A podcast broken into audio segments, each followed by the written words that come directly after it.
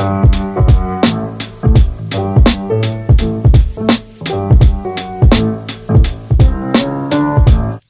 bij een nieuwe aflevering van Vrokkel Talks. Mijn naam is Enes Meziane en ik ben vandaag de gast bij Boston Consulting Group. Ik ga in gesprek met Eiko Troeman. Welkom Eiko. Dankjewel man. Hey, tof dat we hier zijn. Kun je jezelf even voorstellen, introduceren aan onze... Ja, wat wil je hebben? Het persoonlijke verhaal, het professionele verhaal? Gewoon even de korte, korte versie. De Kort korte maar- versie. kort ik ben Aiko. krachtig. Ik Ja. ben Aiko. En, eh, ik, eh, nou, waar zal ik beginnen? 41 jaar, woon in Utrecht, twee hele kleine kindjes, getrouwd. Woon al 22 jaar in Nederland. Ehm, hierheen gekomen vanuit Curaçao. Werk al 12 jaar hier bij BCG op de Zuidas. Ben hier een van de partners. Dat ben ik. Ja, Ja, en de managing director? Ja, dat is eh, de same title, hè? De Eh, same title. Ik ben managing director en partner. Dat is eh, in de volksmond gewoon partner. Oké, oké, oké, oké, oké. Hey, tof. Eh, nou, je, je had net al een korte introductie. Je bent vanuit Curaçao hier naartoe gekomen. Heb Ja. je hier gestudeerd? Ik heb hier gestudeerd. Ik ben komen studeren. Ja. Oké, kun je ons terug meenemen naar je studententijd? Wat voor een student was je? Ah, wat voor een student was ik? Ik denk dat ik eh, in mijn studententijd een behoorlijke ontwikkeling mee heb gemaakt qua wie ik ben. Dus ik, eh, ik kwam hier in Nederland toen ik 17 was. Zoals elke ander op Curaçao een eh, opgegroeide Curaçaoenaar die de luxe heeft te kunnen studeren. Ehm, en dat begint dan heel timide, van wat is dit, wie zijn al die rare mensen om me heen, hoe werkt het allemaal heen. Maar ik ben vrij, ehm, misschien deels toch geluk, ik weet het niet, maar vrij makkelijk opgegaan in het studentenleven. Ehm, en ik was een, eh, ja, wat voor student was ik? Ik hield van sporten. Ik hield, als ik heel eerlijk ben, ook van het sociale leven eromheen. En ik kon, de studie die ik had gekozen, kon ik relatief makkelijk aan. Dus ik heb het wel goed kunnen combineren. Dus ik was niet een, eh, geen uiterste. Ik heb het Ja. niet helemaal eh, verfeest. Ik heb het niet helemaal versport. Ik heb Ja. het eh, gehaald, ja. Ja, en Vrij- wat, vrij wat, wat heb je gestudeerd? Technische natuurkunde. Aan? Eh, in Twente. In Twente. Ja, Twente is een typisch zo'n Curaçaoenaars universiteit. Is dat zo? Ja? Ja? de afstand tot de universiteit bepaalt hoe snel je een kamer krijgt. Dus als je 8000 kilometer invult, dan... eh, ja, dat, dat was in mijn tijd dan. Hè. Dus heel veel Curaçaoenaren, Antillianen gingen daarheen. Ja. Ja. Dan, dan, ah, oké. Ja, dat, hoor ik echt voor het eerst. Dus op het moment dat jij, hoe hoger je uitkomt, hoe sneller je een kamer... Toen eh, wel, ja. Ik weet niet of het nu nog zo is. Wel, ik denk dat het nu met de, vooral met de woningmarkt op, deze, op dit moment niet, niet meer zo werkt. En Ja. als dat wel zo werkt, dan is dat een extra reden om een extra nulletje erachter te schrijven. Precies, ja. Ja. Hey, Oké, en eh, je studeerde in Twente ehm, technische natuurkunde. ja. En dan denk je, technische natuurkunde, wat ga ik daarmee doen? Ja, dat, dat dacht ik ook. Ja. Steeds. nog steeds, ja. nee, dat, eh, kijk, ik zeg altijd, het is een beetje net zoals consulting. Ehm, natuurkunde studeer je. Of als je heel duidelijk dat pad voor ogen hebt, ik wil hoogleraar worden of ik wil ergens een onderzoeker worden. Dat had ik niet. Dat heeft de helft van de studenten niet. En dan is het een opleiding die je alles, eh, die alle deuren openhoudt. Ja. En ik zat meer in dat laatste bakje. Ja. Ja. Ik ging het ook studeren, omdat ik in alle oprechtheid niet beter wist wat ik wel moest studeren. Ik was een beetje goed in natuurkunde en wiskunde, dus ja, ja. let's do it. Ja.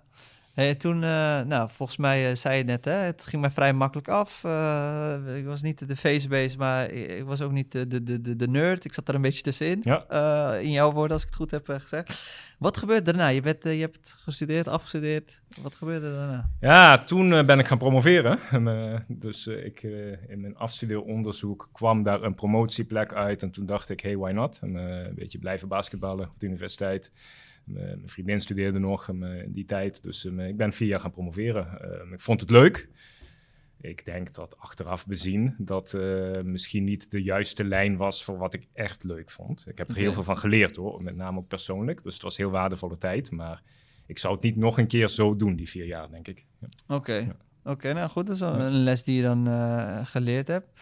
Nou, je bent na vier jaar toch dan geswitcht. Wat ben je toen gaan doen? Toen ben ik gaan werken bij wat tegenwoordig Canon heet. Dat was vroeger nog OC. Dat is de grote mm, ja, printerbedrijf, noem ik het maar. Ehm, die hadden toen der tijd een, eh, een vrij grote multidisciplinaire R&D-afdeling... waar ik hem, als gepromoveerde fysicus eh, makkelijk eh, te werk kon komen. Heel leuke tijd. Hem heel veel geleerd over hoe je vanuit ehm, klant een vraag over productkennis moet nadenken... en vervolgens over R&D. En, eh, en eh, met name veel geleerd over wat er kan gebeuren in de wereld. Want toen ik daar werkte, toen had je binnen een jaar en de kredietcrisis En de eerste e-reader kwam op de markt. Dus dan kun je voorstellen dat voor een printerfabrikant de wereld verandert. Ja. Um, en dat heeft mij eigenlijk warm gemaakt voor het type werk wat wij hier doen. Echt transformatiemanagement, grote macro-economische context, et cetera. Ja. Ja. Ja. Toevallig heet je dat ik hier zit. Ja, want eh, ja, je zegt van, oh, ik, ik werd geprikkeld door dat soort vragen. Eh, had jij toen gelijk je vizier gezet op BCG? Of, of is dat een beetje op je pad gekomen? Weet je, ik, eh, ik, ik, ik ben hier um, eh, um, de, de recruiting partner, heet dat. Dat is een soort van neventaak. Dus ik krijg heel vaak deze vraag. Hè, weet je, hoe heb jij de keuze gemaakt? Ja, Um, ik heb die keuze helemaal niet bewust gemaakt. Ik ben er, als je achteraf terugkijkt, door een, een stukje geluk en een stukje toevalligheid ingerold. Want hoe bij mij gegaan was, op een gegeven moment was ik klaar met die eerste, eerste werkplek. Dus ik wilde iets anders. Toevallig kwam ik in contact met een headhunter.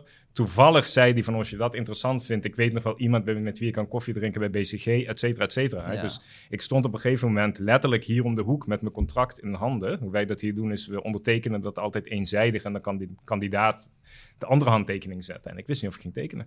je wist het niet. Nee, ik heb er, er lang op- over gedaan. Je zat hier op de hoek en je keek nog even naar al die andere kantoren hier op de Zuidas. ABN AMRO is misschien Ja. ook nog interessant. Nou, eerder andersom, weet je. Ik, ik ben toch, um, eh, weet je, ik, ik woonde toen nog in het zuiden.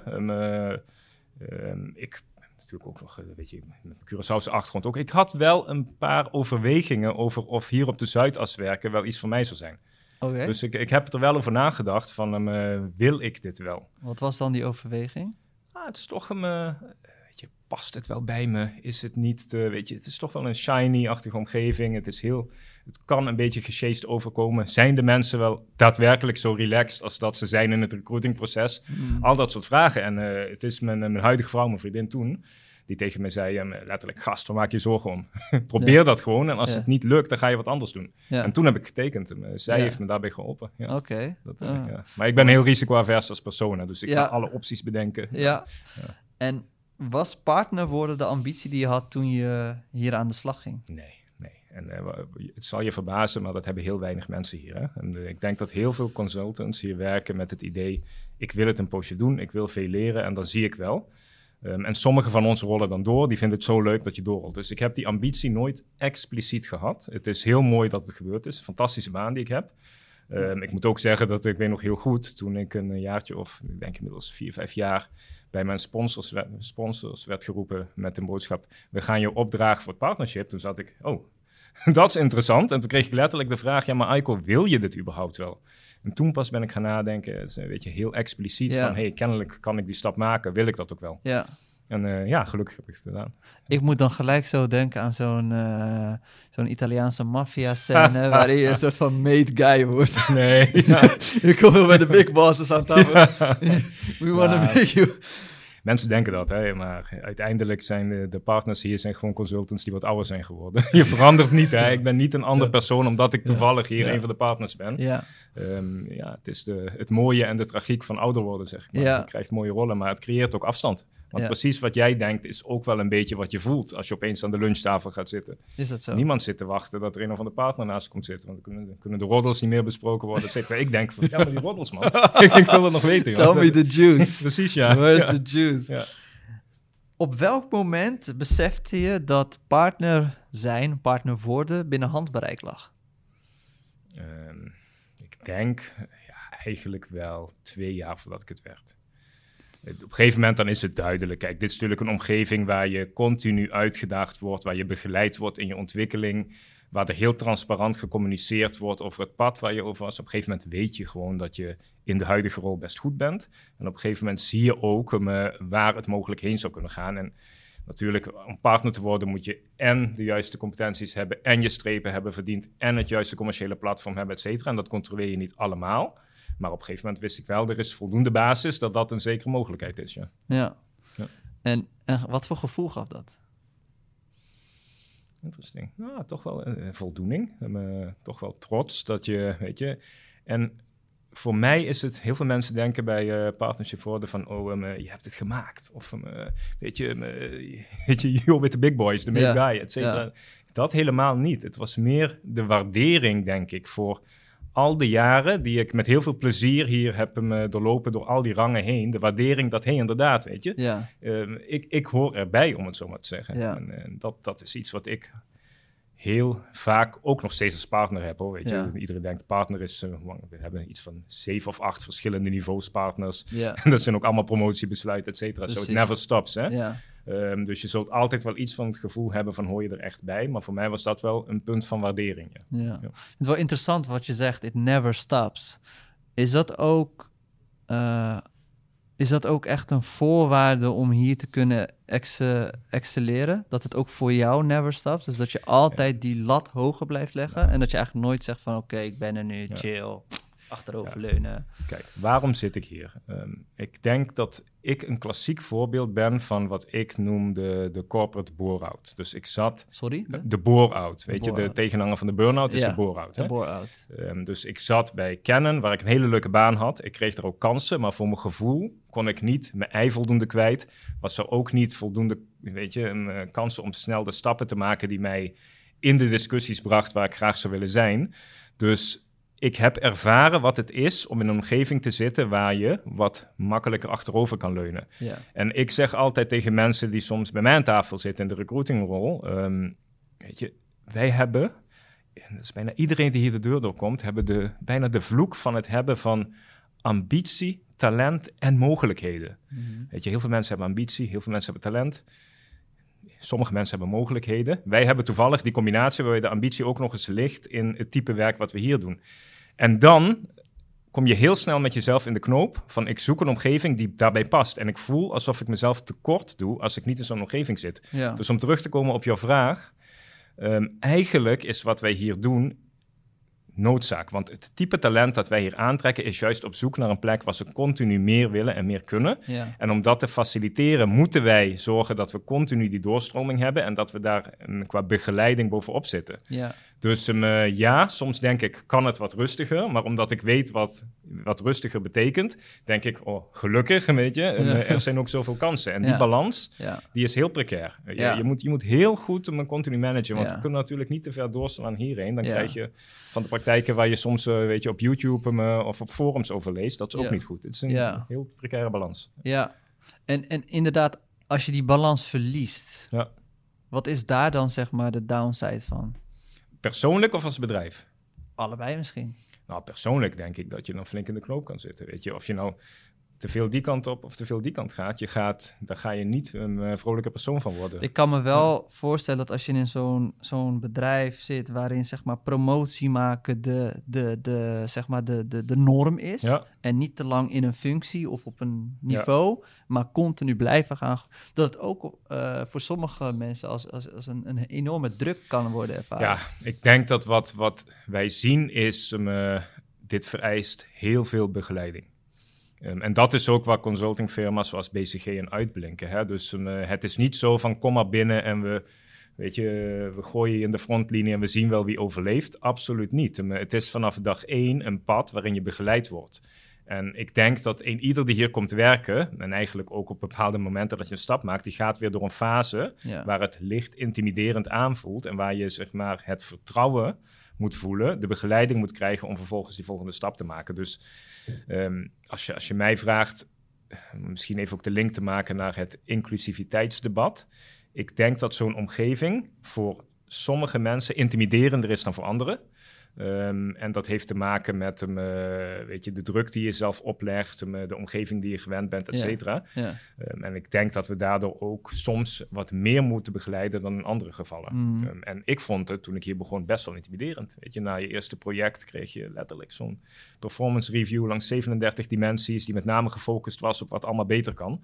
Toen dacht ik van, wow, weet je, waarom hebben we deze lui mee aangenomen? Joh? Dat, uh, ja, en nu weet ik inmiddels um, dat iedereen dat heeft. Ik krijg elk jaar weer mijn, uh, mijn review met, dit kan allemaal beter.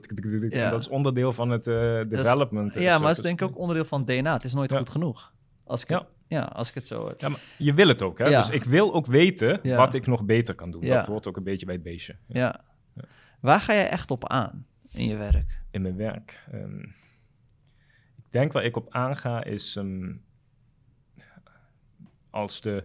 Ik, ik denk dat ik zelfs voor BSG-standaarden snel verveeld ben. Dus ik ga aan op een. eh, grote complexiteit, vaak van een, uh, van een uh, overkoepelend wereldoverschrijdend niveau. Dus iets als de energietransitie. Iets als nu de disruptie die door de oorlog in Oekraïne plaatsvindt. Weet je, geopolitiek, energiezekerheid, et cetera. Grote macro-economische vragen waar we eigenlijk niet van weten. Wat kunnen we daarmee?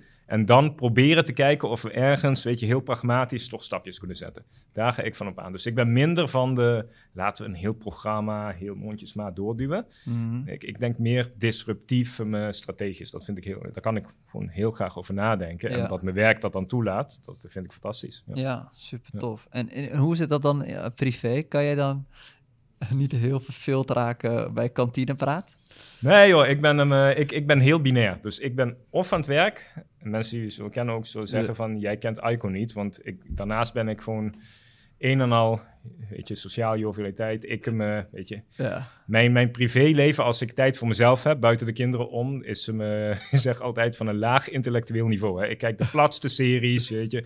ik, hem, uh, ik ga op een pleintje basketballen. Ik wil alleen maar ouwe hoeren, dat soort dingen. Dus Wat is de laatste serie die je hebt gezien? De laatste serie die ik heb gezien, wat heb ik? Oh, ik heb hem, eh, hoe heet het, de serie over de Lakers op HBO Max. Eh, zat ik gisteren nog te kijken. Ehm, fantastische serie. Ik ben een groot basketbalfan, zoals je inmiddels door hebt. Eh, ik vind het een fantastische serie. Het is natuurlijk licht satirisch, maar eh, volgens mij heet die Winning, Winning Time. Heet die. Oh. Over het ontstaan van de Lakers franchise. En, Ja. eh, dat de man die daarin geïnvesteerd heeft, hoe die spelers bij Ja. elkaar kwamen. Fantastisch. Wat Aanrader. mij nu te binnen schiet, hoe je, hoe je dit nu zegt, is de... ehm, ik heb die serie niet gezien. Ja. Ik heb wel de docu van Michael Jordan Ja, gezien. Die moet jij hebben gezien. En maar, zeg maar, ook zeg maar in, in, in de manier waarop hij de lat voor zichzelf elke keer verlegt, hoor ik jou ook wel een beetje... Ja. Kan je je daar ook een beetje in? Nee, dat vind ik ziekelijk. Ik, eh, Ja? ik- Oké, ja, dat vind ik hem. eh, ik vind het heel knap, maar dat is echt. Hij ging wel heel ver, ja. Ja, ik, ik vind dat de menselijke maat belangrijk is. om, eh, zowel voor jezelf, ja. Maar met name ook voor de omgeving om je heen. En wat je ook in die documentaire zag, is dat eh, Michael Jordan nou niet bepaald de vriendelijkste, aardigste, meest cohesie creërende persoon eh, in zijn omgeving was. En dat gaat tegen mijn perceptie van wie Ja. ik zou willen zijn. Ik had vooral het gevoel dat hij eenzaam was. Ja, dat denk ik ook. Ja. Eh, en misschien nog steeds is. Maar ik denk oprecht dat ehm, zij die het meest ambitieus zijn in hun specifiek gebied, makkelijker eenzaam worden. Want als jij de lat altijd hoger legt dan de rest, weet je, dan zit je alleen op die berg. Ja, Dan op een gegeven moment wordt dat eenzaam. ja. Ja. ja, en mensen worden ook zat om naar boven te kijken. Ja, ja. Ja. er zit wel wat in. Nou ja, misschien is, dat, eh, misschien is dat een antwoord op mijn volgende vraag, maar misschien ook niet. Wat is de prijs van presteren op zo'n hoge level? De prijs, weet je, het, het leven is als een mandje paaseieren, laten we het in de huidige context nemen. En het is, een, eh, weet je, hoe groot je mandje is en welke eieren erin zitten, dat, eh, dat is een gift die je helaas in de, de wereld gewoon meekrijgt, eh, of grotendeels meekrijgt. Je kan hem iets beïnvloeden, maar er zitten ook constraints aan. Ehm, volgens mij is de prijs gewoon, je kan niet al die eieren uit die mand pakken. Dus jij moet een selectie maken. En zolang je dat maar bewust doet, ehm, is dat prima. En hoe dat voor mij werkt is, kijk, deze baan, ehm, die vereist veel ehm, qua tijdsbesteding. Geeft ook heel veel terug. Ik denk dat ik energieker ben, zegt mijn vrouw ook, dan toen ik een vorige baan had. Omdat ik er beter mijn ei in kwijt kan. Ik krijg kansen, ik zie de wereld, ik zit in discussies. Ehm, ik zit met mensen aan tafel waarvan ik denk, een beetje vijf jaar geleden van had ik dat, weet je, dat had ik niet kunnen dromen. Dus het geeft veel. Maar ik moet er ook veel voor laten. Ik heb minder tijd op privévlak. Ik zie mijn kinderen niet elke dag. Ehm, ik heb hem, weet je, in die balans ook is het elke tijd die ik buiten werk kan doorbrengen, gaat familie voor. Waardoor, weet je, ICO-tijd is soms heel beperkt. Hè? Soms ben ik al blij met hem eh, drie kwartier in het weekend ergens in mijn eentje sporten. En eh, daarna is het weer kinderen, andere eh, familietijd, et cetera. Ja, Dus je moet gewoon voor jezelf continu die balans ma- maken. En je moet continu, vind ik, als je de luxe hebt die wij hebben. ehm, en daarmee bedoel ik dat we wonen in een land ehm, waar we de kansen hebben op de arbeidsmarkt. Ehm, en als je dan in een positie bent zoals ik, dat je ook toegang hebt tot die arbeidsmarkt. Ehm, en als het werk dat je doet op, een, eh, op het niveau waarop ik zit eigenlijk niet bepaalt of je kan eten of kan wonen, dan vind ik dat je het aan jezelf verplicht bent om gewoon continu de afweging te maken doe ik dit gewoon nog een jaar voor de juiste redenen. En dat doe ik ook. Ik Ja. ben altijd, elk jaar, meestal rond de kerst, ga ik nadenken, is het dit nog waard? En tot nu toe denk ik altijd volmondig ja. En dan praat ik ook met de vrouw erover. We weten dat het een trade-off is. En, en ja. Ja. we doen het gewoon. Ja, Maar je moet wel bij jezelf stilstaan. Want wat je niet wil, is dat je uit automatisme... of dat je gehecht bent aan... oh, ik werk bij BCG. Of ja. weet je, ik krijg dit betaald. Dat, Ja, het lijkt je- me heel moeilijk om er ook uit te stappen als je het eenmaal. eh. Eenmaal eh, ik, ik zit daar natuurlijk Ja. niet in de consultancy of op het dak, maar ik ben nu ook op een punt waarin ik zeg maar hele lange dagen maak. ja, Eh, eh, hè, met mijn onderneming gaat het goed.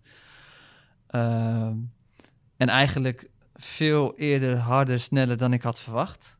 En waardoor ik nu al zeg maar op in een soort van fase ben terechtgekomen dat ik heel selectief moet zijn. Welke eieren gaan er nog in mijn mand? ja, ja. Maar je Eh, vergeet heel gauw wat, al, hoe alternatief B voelt. Dat, dat vergeten heel veel mensen. Dus je moet continu aan jezelf de vraag stellen... als ik dit niet zou doen, wat krijg ik ervoor terug? En wat laat ik ervoor?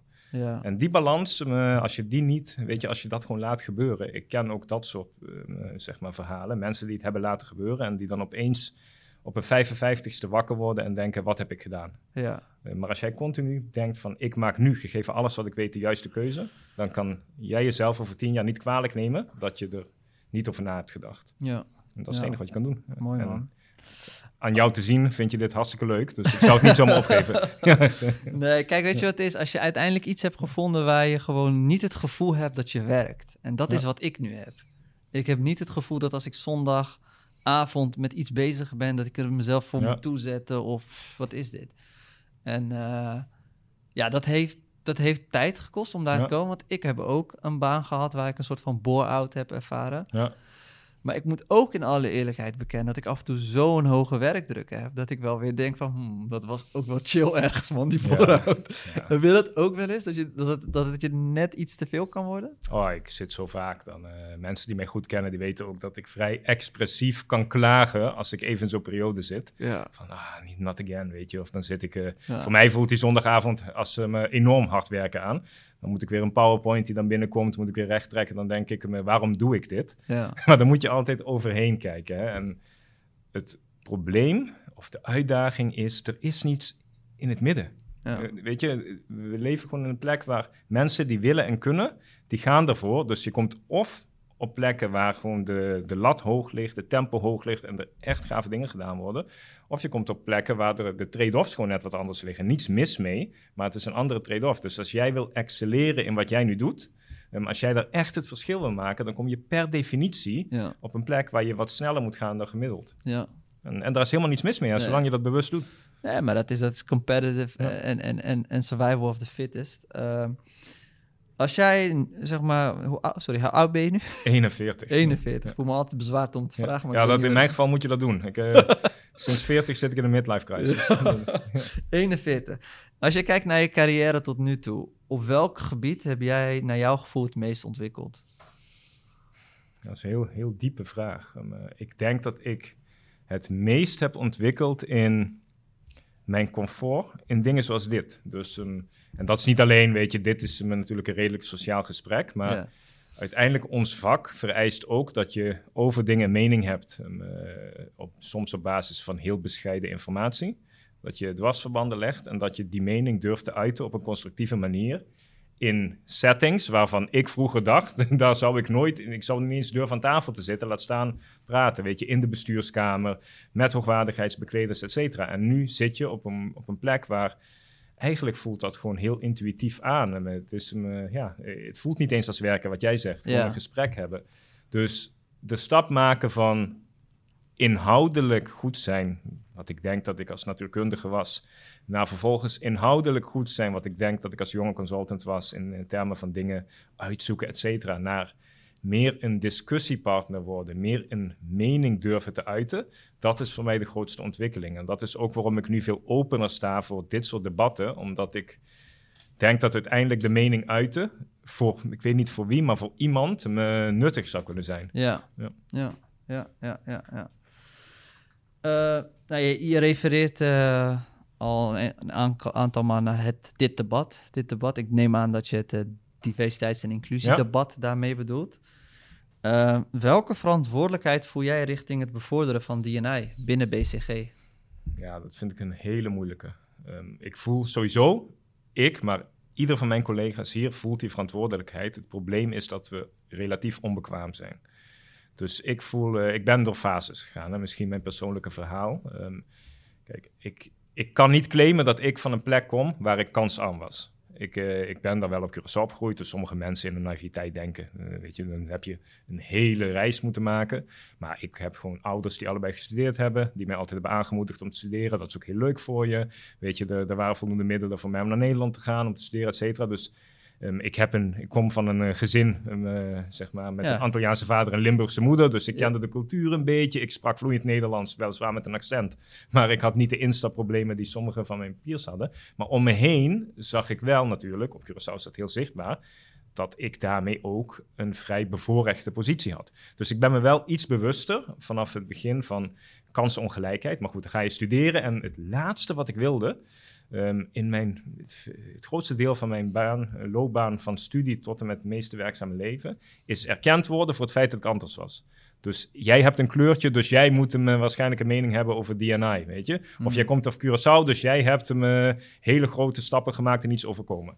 Um, dus voor mij is die bewustwording pas laat gekomen. En dat kwam eigenlijk doordat ik me steeds meer werd aangesproken door ja, jonge mensen. Die zeiden van, Aiko, jij zou eens wat publieker moeten zijn in je mening. En, uh, voor mensen zoals ik ben jij een voorbeeld en dat helpt mij met het vertrouwen dat het kan. Daar heb ik nooit over nagedacht. Dus de verantwoordelijkheid voor mij persoonlijk is geworden dat ik wat opener sta om te participeren en dat ik hier binnen BCG um, het DNI-debat, um, via mijn rol dan in dit geval in recruiting, aanjaag. Ja. Um, en daar, dat is ook de reden dat we bijvoorbeeld met jullie graag samenwerken. Ja. Ja. als je nou kijkt naar ons als bedrijf, dan is dit, weet je, bijna elk bedrijf, hè, is dit een van de allerbelangrijkste um, doelen die we hebben. Talent is schaars, we moeten inclusiever worden, onze klanten vereisen, dus we moeten hier iets aan doen. We weten alleen nooit zo goed hoe. Ja. En, ik hoor dat heel vaak, hè, onze klanten vereisen het. Ja. Maar hoe merk jij dat klanten het uh, beter of fijner of uh, ja, ja, beter, even zo zeggen, uh, ervaren om jou als sparringspartner te hebben in plaats van even de, de traditionele partner die eh, vaak gekenmerkt wordt door een uh, witte grijze man. Ja. Wat, wat, wat maakt zeg maar die motivatie voor jullie intrinsiek? Nou, ik, ik weet niet of ik het op de persoon zou spelen, maar ik, ik, ik kan je het expliciete en het impliciete geven. Het expliciete, wij hebben wel eens dat wij van een belletje krijgen van de klant. Um, jullie projectteam is niet divers genoeg langs alle smaken. Dat willen wij niet. Dat hebben we wel eens, uh, letterlijk. Betekent dat dat je dan ook een klant kwijtraakt? Nou, dat betekent dat we moeten ingrijpen. Ja. Uh, we, we, verliezen wel eens projecten, horen we achteraf, omdat ons pitchteam niet divers genoeg was. Dus dat is heel expliciet. Hè. Klanten sturen daarop hè, en, ja. en, dat vind ik heel goed. Ja. Dat wil ik ook iedereen die hieraan twijfelt meegeven. Het groot bedrijf in Nederland is veel welwillender dan dat mensen denken. Alleen onbekwaam in hoe je dan de deur echt openzet. Nou, het impliciete vind ik nog veel belangrijker. En dat is precies wat je aangeeft. In de één op één relatie um, is niet iedereen even effectief. Nou, onze klanten worden steeds diverser. Hmm. Um, dus ik ben misschien effectief met persoon A en mijn collega is effectief met persoon B. Als we alleen maar prototype mij of mijn collega hebben, dan ga je nooit de hele breedte coveren. En dat merk je echt, hè? dat er verschillende stijlvoorkeuren zijn. Ja. We hebben nog steeds de, je noemt het hem ja. een beetje belerend, de, de, grijze blanke man nodig. Die hebben we zeker nodig. Ja. Ook daar zijn toehoorders voor. Maar we hebben ook de, de jonge dame nodig. We hebben ook um, de persoon zoals ik nodig. We hebben het hele palet nodig. Ja, ja, ja. Wat is er voor nodig om uh, meer of meer biculturele professionals op uh, topposities in het Nederlandse bedrijfsleven te zien? Ja, dat, als Wat ik dat antwoord had, dan was ja. ik waarschijnlijk nu geridderd. Um, maar um, uh, um, ik, ik, denk ten eerste is er tijd nodig. Uh, en dat klinkt heel cliché, maar wat je ziet is dat wij nu qua opleidingsniveau van de biculturele, multiculturele populatie, uh, dat we steeds meer spreiding krijgen. Hè? Dus je ziet nu dat er steeds meer door de universiteitsbanken profielen rollen die niet klassiek Nederlands zijn. Um, dat gezegd hebbende, dat is zeker niet voldoende. Uh, want um, er heerst natuurlijk in Nederland ook nog steeds een sterke netwerkcultuur. Um, er is ook nog iets over de individuele student Hoe krijgt die het juiste voorbeeld, het vertrouwen dat het kan? Hoe herkent hij of zij zich in die potentiële werkgevers?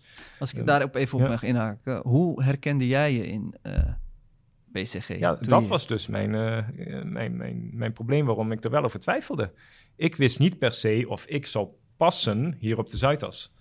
Ehm, ik wist wel, doordat ik natuurlijk al in een vrij Nederlandse setting had gestudeerd, al gewerkt had, ehm, dat, dat dat niet per se een groot ding was. Maar in je onderbuik, weet je, je voelt het nog. En bij Mm. mij was het meer, weet je, het gesjeeste zakenleven hier Ja. op de Zuidas dan per se een, een kleurding of zo. Ja. Maar ik, ik, zelfs ik merkte dat, snap je? En, Ja. en, en ik denk dat heel veel mensen eh, dat hebben. Elke keer als ik me, weet je, me in, in een focusgroep of iets dergelijks praat met studenten van een andere achtergrond, is dit het meest prominente thema. En eh, tegenwoordig, ik hou ervan, hè, zijn mensen vrij, eh, vrij open. Die zeggen tegen ons, ja maar Aiko, als wij dan naar jullie website gaan, dan zien we de stokfoto's met daar wat eh, buitenlandse mensen, maar die werken hier niet hoor. weet je, ja, dat, eh, ja. Weet je, en, eh, ben blij dat je Ja. die terug hebt gekregen. ja, nee, maar en ik, ik, ik sta daar 100% achter. Nou, als ik je nou de visie van binnen het bedrijf wil geven, is, weet je, wij hebben nu eenmaal de populatie die we hebben. Ik zou niets liever hebben dat jullie, ze zegt nou altijd tegen ze, rijen dik hier voor de deur staan om te solliciteren en we gaan jullie allemaal interviewen. Maar, maar dat lukt niet. Dus waar we tegenaan lopen is niet alleen dat wij als bedrijf we zijn inmiddels, denk ik, bewust onbekwaam. Hè? We waren Ja. eerst onbewust onbekwaam, we zijn nu bewust onbekwaam. Maar wat we ook hebben, is denk ik dat de populatie jonge talenten ehm, onderschat hoe begeerd ze zijn en hoeveel kansen er eigenlijk zijn. En dat betekent dat we een soort van, eh, weet je, Ja. naar elkaar staan te kijken. ja. En dat is ook waarom ik graag nu in het publieke debat treed hierover. Ja, ehm. Zodat in ieder geval wat ik als individu kan doen, dat het gezien wordt. En als dat voor één of twee personen een verschil uitmaakt, dan gaan zij weer een verschil maken. En over drie eeuwen hebben we de hele populatie. Ja. Nou, ik vind het wel een mooi bruggetje eigenlijk. Die Ja. maakt eh, naar mijn volgende vraag. Wat kunnen wij zelf doen? Wij als, laten we zeggen dat wij één, één, groep, één homogene groep, dat zijn we natuurlijk ook niet. Ja. Maar wat, wa- waar kunnen wij als, als eh, biculturele eh, studenten, young professionals nog in groeien in jouw optiek? Nou, nou ik, ik denk dat ten eerste, en nu klink ik echt als een oude persoon, maar dat de huidige generatie die ik voorbij zie komen al een stuk mondiger is dan in, eh, dan in mijn tijd. En, en dat helpt enorm. Ook, ook al meer dan Ja. in mijn tijd. Eh, ik ben nu Ja. 33, to put things in perspective. Dat helpt enorm, hè? Dus Ja. eh, die, die stap is er al. Ik denk ook dat we de tijdsgeest mee hebben. Dus sommige dingen gaan ook iets makkelijker vanzelf. Dat gezegd hebbende, ehm, denk ik dat, ehm, ja, ehm, weet je, het- uiteindelijk is er ook iets in van over je eigen gêne heen stappen. Ik denk dat het grootste, de grootste barrière is, ja, een heleboel plekken ogen, niet volledig inclusief en zijn misschien ook nog niet volledig inclusief. Maar dat betekent niet dat jij geen kans hebt om daar binnen te komen en om dat te veranderen. Hè? Dus Mm. ehm, er is zoiets van, laten wij zelf ook de verandering vooruit helpen Ja. en niet wachten tot de andere kant dat doet. We moeten Ja. het samen doen als Ja. mens levend in. Nederland. Ja. En dat, dat komt van twee kanten. Ik vind, het doet me denken aan wat je daarnet zei, eh, in zeg maar het comfortabel voelen in het oncomfortabele. Dat is natuurlijk niet alleen professioneel inhoudelijk, maar ook in, in codes en in, in, in culturen en Ja. in omgevingen. Ja. En eh, ja, er is nog, nog een, eh, ik kan even zijn naam nu er nu niet bij halen, maar er is zelfs nog een, een, een boek hierover geschreven. Eh, being comfortable navigating in white spaces. Ja. Being in a white space doesn't mean you can't you can't change this or you, or you can't you can't add value. That's not. En ik denk dat je nu de, de spijker op de kop slaat. Hè? Dus ik denk dat dit, ja, de uitdaging, dat dat niet per se een professioneel inhoudelijke uitdaging is. Uiteindelijk zijn wij succesvol als wij op onze darkest moment, weet je, het moeilijkste project wat je ooit bij BCG doet, als je je daar thuis voelt en als je daar gesupport voelt. En dat Ja. vereist dat je omgeving om je heen hebt die je snapt en waar je van voelt van, weet je, dat is mijn werkfamilie, Ja. om het zo maar te zeggen. Dus Ja. hoe inclusief is die eh, omgeving? Als je kijkt naar Nederland, dan zijn wij een vrij egalitair land. Ik denk dat wij ook een land zijn met best wel veel kansen eh, voor eh, de populatie. Maar dat betekent niet Ja. dat we het helemaal goed voor elkaar hebben. Hè? Dan Zeker. vergelijk je je met de next worst alternative. Nee, kijk, als- ik denk als je het in een, in een Europees perspectief eh, plaatst, dan vind ik dat we het beter doen dan alles wat onder de zuidgrens eh, zit. Eh, misschien zelfs de oostgrens ook wel. Ik ben niet zo heel bekend binnen de Duitse. maar als ik kijk naar bijvoorbeeld naar de UK, naar Scandinavië, dan denk ik toch ook wel dat we daar ook weer van kunnen leren. Ja, ik denk Scandinavië zeker. De UK heeft natuurlijk een, een heel andere begrenzing. Ja, Hè? De UK ja. heeft omgevingen zoals dit. Weet je, um, eh, wat ik altijd noem de top-tierbanen in Londen. Die zijn voor nog steeds een eh, ja, vrij beschermde omgeving. Hè? Weet je, de Oxbridge-achtige student. Nou, wie gaat naar Oxbridge? Ja, Dus waar is BCG um, eh, een van de... Het klinkt heel bizar, maar een van de belangrijkste D&I-levers die wij in Londen hebben... is zorgen dat we ook buiten Oxford en Cambridge... um, eh, voldoende studenten weten aan te trekken. ja, En ook daar begint het met snappen deze talenten... die Ja. echt hoog talent hebben... ja, snappen die dat wij daar open voor staan. En vervolgens snapt ons systeem... Dat we daar um, zeg maar zonder enige vorm van bias naar moeten kijken. ja. Dat is weer van beide kanten. Helpen quota's daarbij? Ik vind dat een hele lastige. Ik denk oprecht dat quota's op een eh, gender diversity debat hebben geholpen. En mijn persoonlijk gevoel is dat dat een makkelijker debat is. En ik zal je uitleggen waarom. En dat is muur- eh, puur persoonlijk. Ik zou heel hard wegrennen als ik ergens zou werken waar ik in het rijtje stond, andere kleur, dus help mij aan mijn ratio. Want ik voel mij niet anders dan jou of dan eh, een andere collega die Ja. daar loopt. Hè. Ik ben gewoon een, een jonge man die hier graag werkt. Ja. Even heel simpel. Dus um, eh, ik, ik denk dat quota's um, eh, een, een, wat mij betreft, last resort middel moeten zijn. Ehm, ik heb wel gezien in het eh, gender diversity debat dat het kan helpen. Als ik naar sommige bedrijven kijk die ik wel eens, eh, wel eens zie over hoe zij met glazen plafond aan het doorbreken zijn. Wanneer komt dat moment dat, dat we er niet omheen kunnen? Dat als je zegt van joh, we hebben gezien dat het met gender diversity kan helpen. Ja. Het, het is een last resort. Wanneer is dat moment aangebroken dan? Ja, ik denk dat... en dan even specifiek op de cultural diversity Ja. discussie. Ik vind het hele lastige. Ik denk dat ten eerste we een heel moeilijk onderliggend debat hebben hier over um, um, racieel profileren. Want uiteindelijk wat je hier doet, dit is dan ten positieve. Maar dat in hokjes plaatsen is ook wat um, jij en ik waarschijnlijk soms met de marechaussee meemaken op Schiphol. Dat is ook wat in de toeslagaffaire is gebeurd. Dus dit is een wat gevoeliger debat van in welk bakje val jij. Ja. Um, dus die, die maatschappelijke weet je, druk die moet er een beetje vanaf. Ja. En ten tweede moeten we dan transparantie hebben. Want Ja. alleen als je transparantie hebt over welk deel van de populatie zou eigenlijk, als je een goede reflectie hebt van de samenleving, daar moeten zitten, dan kan je gaan praten over quota. Ja. Dus het is acceptatie dat we allemaal anders zijn, maar juist hetzelfde. En vervolgens op basis van acceptatie de durf hebben om dan te zeggen, laten we dat dan ook reflecteren. En wat we nu hebben is, het is een beetje een, ja, we moeten heel divers zijn, maar um, uh, we gaan het niet benoemen. Ja. Um, en ten tweede, we zouden ook denk ik niet weten als maatschappij um, uh, of als uh, zeg maar bedrijf, waar we nou staan in de journey van de populatie versus de opgeleide populatie versus de willende populatie, et cetera. We zijn Ja. ergens in een transitiefase. Ja, ja, klopt ook wel. Ik krijg dan ook vaak wel eens te horen van... Uh, ja, we weten ook niet wat de statistieken zijn. We, we, we meten het Ja. ook niet binnen onze uh, organisatie. Dat vind ik soms nog wel iets te makkelijk. Maar op macroniveau weet ik het ook niet. Ja. Nee. Op macroniveau is het gewoon heel lastig... Uh, om, om ook gewoon echt met, met zuivere data te werken op, op dit ja. thema. En even hè, voor een klein kantoor. BSG is natuurlijk een heel groot bedrijf... maar een conglomeraat van kleine kantoren wij weten het hier. Want weet je, ja. we weten gewoon precies wie hier rondloopt. Ja. Um, en wij weten dat we veel beter daarin willen staan. Hè? Dus ja. het is geen excuus. Hè? Dus ook al weet je de getallen niet, voor ons is één ding duidelijk. Um, uh, hier moeten we wat mee en uh, we duwen er ook op.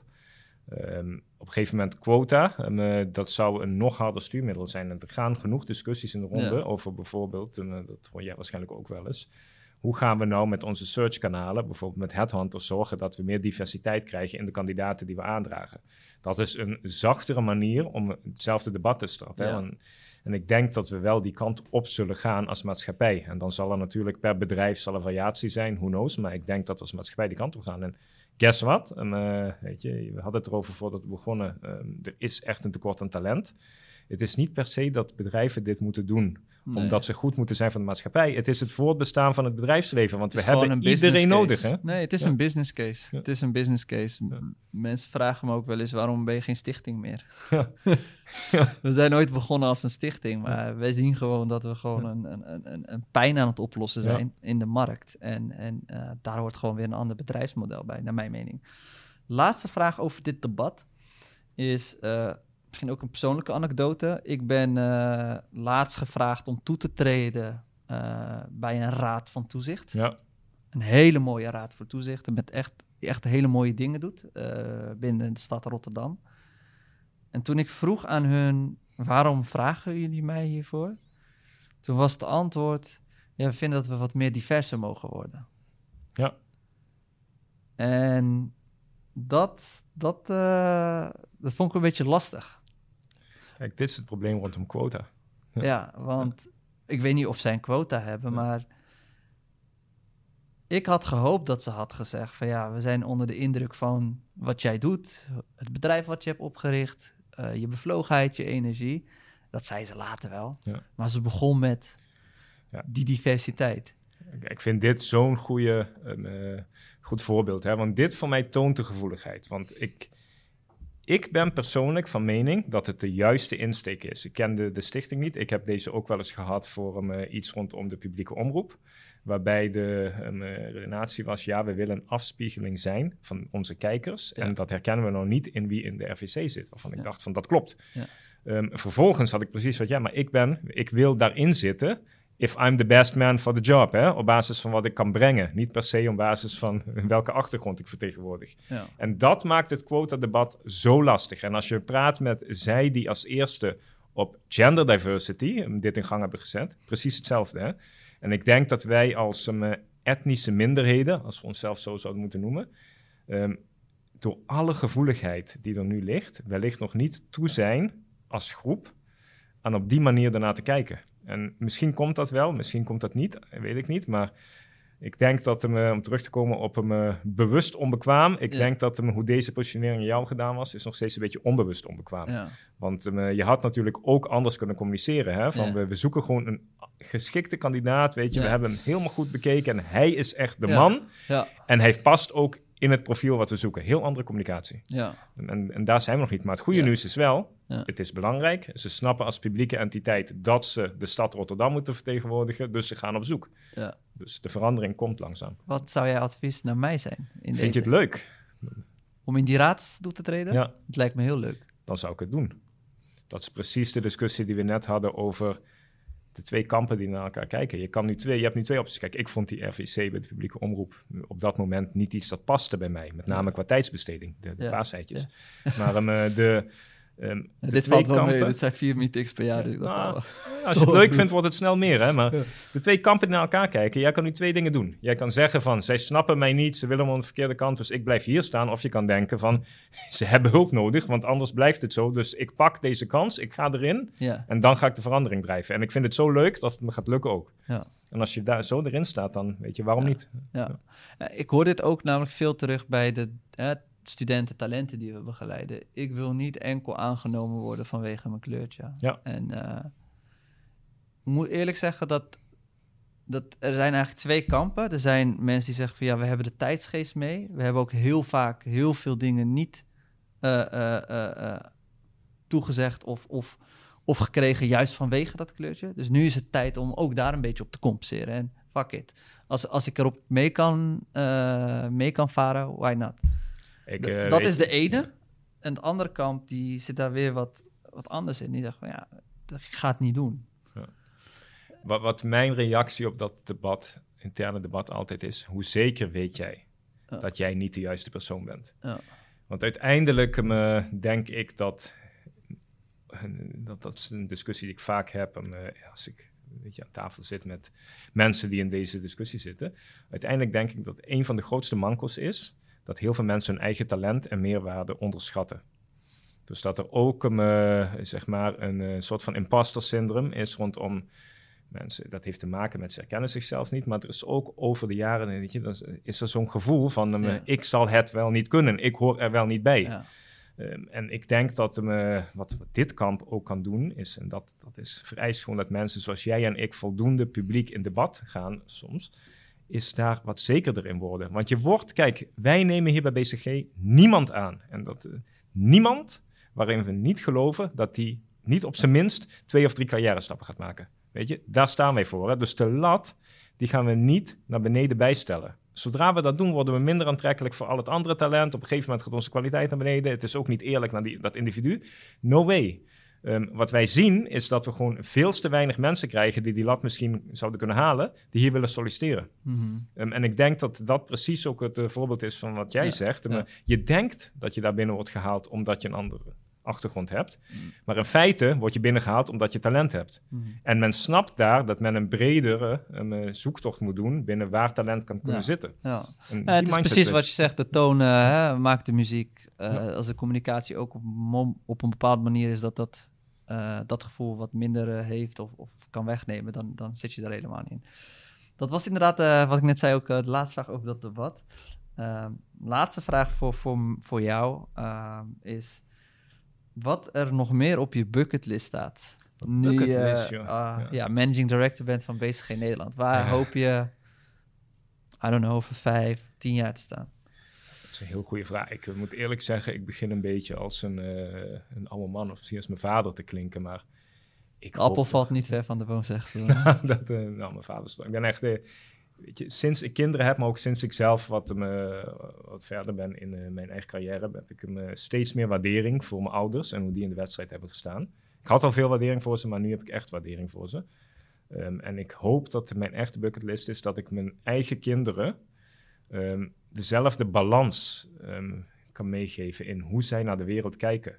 En als je mij vraagt, een van mijn zorgen is dat mijn kinderen door weet je, de baan die ik heb, waar ik woon, et cetera, vrij beschermd zullen opgroeien. Um, ik hoop dat ik ze kan meegeven dat de wereld wat complexer is dan dat. Uh, en dat de wereld ook eentje is waar, um, weet je, wat, wat wij misschien hebben niet per se de standaard is. Waar we voor elkaar klaar moeten staan. En, en waar je altijd met balans moet nadenken over wie doet wat, welke kans heeft iedereen, hoe werkt het. Hè? En daarin je weg zoeken. En dan, nu klinkt het alsof ik een grote weldoener ben. Dat uh, ben ik natuurlijk niet hier op de, weet je, op de Zuidas in mijn commerciële baan.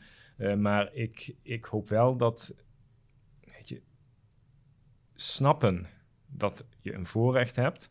Snappen dat je er ook voor een ander kan zijn. Snappen dat je niet per se hoeft te oordelen over mensen die op een andere wijze naar dingen kijken. Dat ik ze dat kan meegeven.